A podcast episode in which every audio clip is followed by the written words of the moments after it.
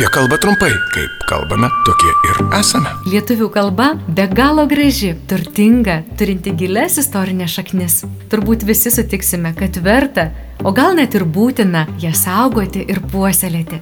Tačiau gyvenimas toks jau yra, kad kartais pamirštame, kartais kažko nežinome, tad prisiminti mūsų ypatingą kalbą padės trumpas laidelis apie kalbą trumpai. Kiekvieną dieną FM99 eteryje ir internete fm99.lt.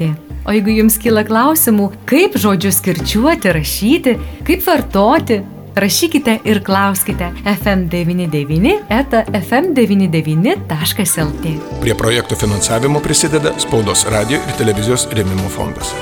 Šiandieną kalbame su Vilniaus universiteto lietuvių kalbos katedros profesorė Irena Smetonienė. Labadiena. Labadiena. Labai labai norėčiau jūsų klausti, ar yra tokių universalių pasisveikinimo žodelių, kurie pavyzdžiui tinka visiems atvejams ir visiems asmenims? Hmm.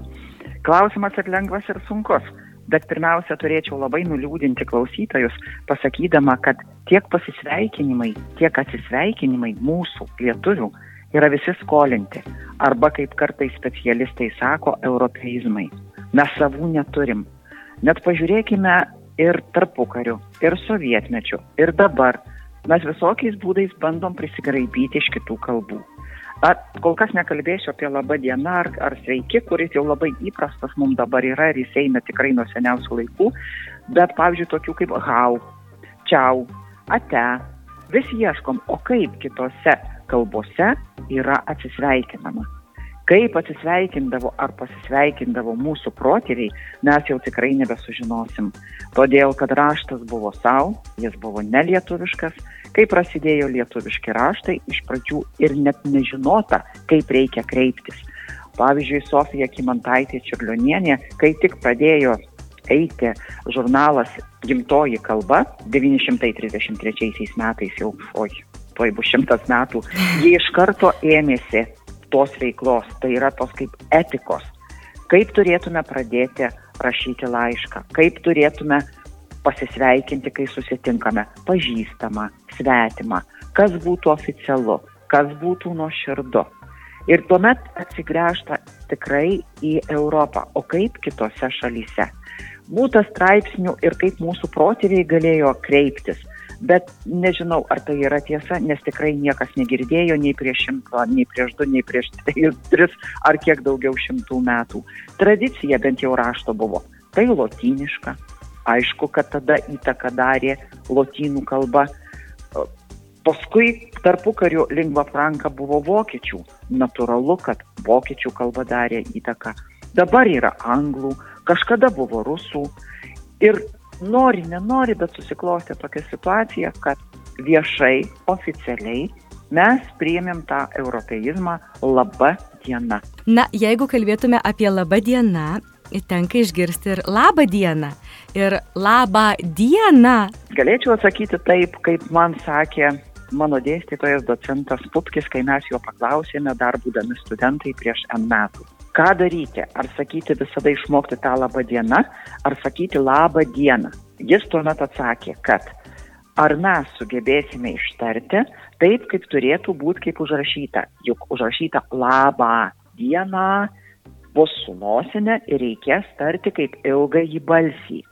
Žinoma, kad tiek aš būdama žemaitė, tiek aukštaitis, būdami tos visuotinės kirčio atitraukimo zonos kalbėtojai, natūralu, kad mes nukandam galūnės. Tai tuomet mes sažiningai pasirinkom tik laba diena ir paplito, mes taip sakėme studentams, žurnalistams ir laba diena prigijo. Bet su valkiečių aš tikrai esu girdėjusi labą dieną, bet jie ištarė ilgumus. Jeigu dzūkai ištarė, gali taip sakyti. Lygiai tas pats gali būti ir gerą dieną. Ir gera diena. Tik gera diena mums tada labai keistai skamba, kai mes taip kirčiuojam. Dėl to tas gerą dieną ir lieka tik suvalkiečiams, nors lygiai taip pat atsisveikina ir prancūzai ir pasisveikina, mm, palinkėdami geros dienos ar sakyti sveiki, laba diena, bondai, e, kuo puikiausiai.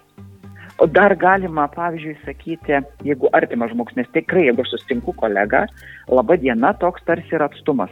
Viskas šiandien aš su tavim bendrausiu tik taip per atstumą. Tai tuomet aš sakau sveikas, labas. Čia jau yra va, tokie du skirtumai. Vienas dalykas viešai, oficialiai, kitas dalykas artimai. Nes, pavyzdžiui, kai, kai aš kad nors kreipiuosi sveiki, jeigu sėdi keli kolegos, na, jie ar sveiki ar nesveiki, kartais būna kitas pajokauja, sako, nesergam, nesergam. Bet čia reikia jau įsivaizduoti, kad tai yra tiesiog, na, gražus pasisveikinimas. Labai gražiai atsiskiria oficialu, neoficialu. Ir net tai, ką esam prisigraidę, aš, pavyzdžiui, gingierę nesmerkiu, nei tų visų čiaunėje te, tegul jie ir būna, arba gau pasisveikinimas, ar dar kitokių tikriausiai ateis. Na ir kas, šnekamojoje kalboje tegul jie būna. Jeigu žmonės bendrauja tam tikram rate ir jiem yra priimtina, niekas neturi teisės pasakyti, kad tai yra blogai. Bet jeigu Seimo narys išeina viešai kalbėti į eterį ir jis pasakys labas, Mm, aišku, kad visi sakys čia dabar kas, kodėl tai familiariai. Žinoma, kad jis jau turi sakyti labą dieną. Aš nainu pas studentus, aš irgi sakau labą dieną, todėl kad santykis yra dėstytojo ir studento. Jūs susiminėte ir apie suvalkyjos, apie labą dieną ir gerą dieną. Man prieš gerus metus teko pažinti iš suvalkyjos kilusį žmogų, kuris labai dažnai sako gerą dieną pasisveikindamas. Ir pagalvojau, kaip yra smagu ir, ir gera girdėti tokį pasisveikinimą, nes tiesiog šiek tiek gal asmeniškai priemi, na va, kokia gera diena susitikus tą žmogų. tai tikrai būna kitą kartą ir toks emocinis, ar ne? Šiek tiek tokio em emocinio atspindžio, net ir tame trumpame pasisveikinimo momente. Taip, tikrai. Labą dieną toks bendras yra kaip ir Latvijų labdien.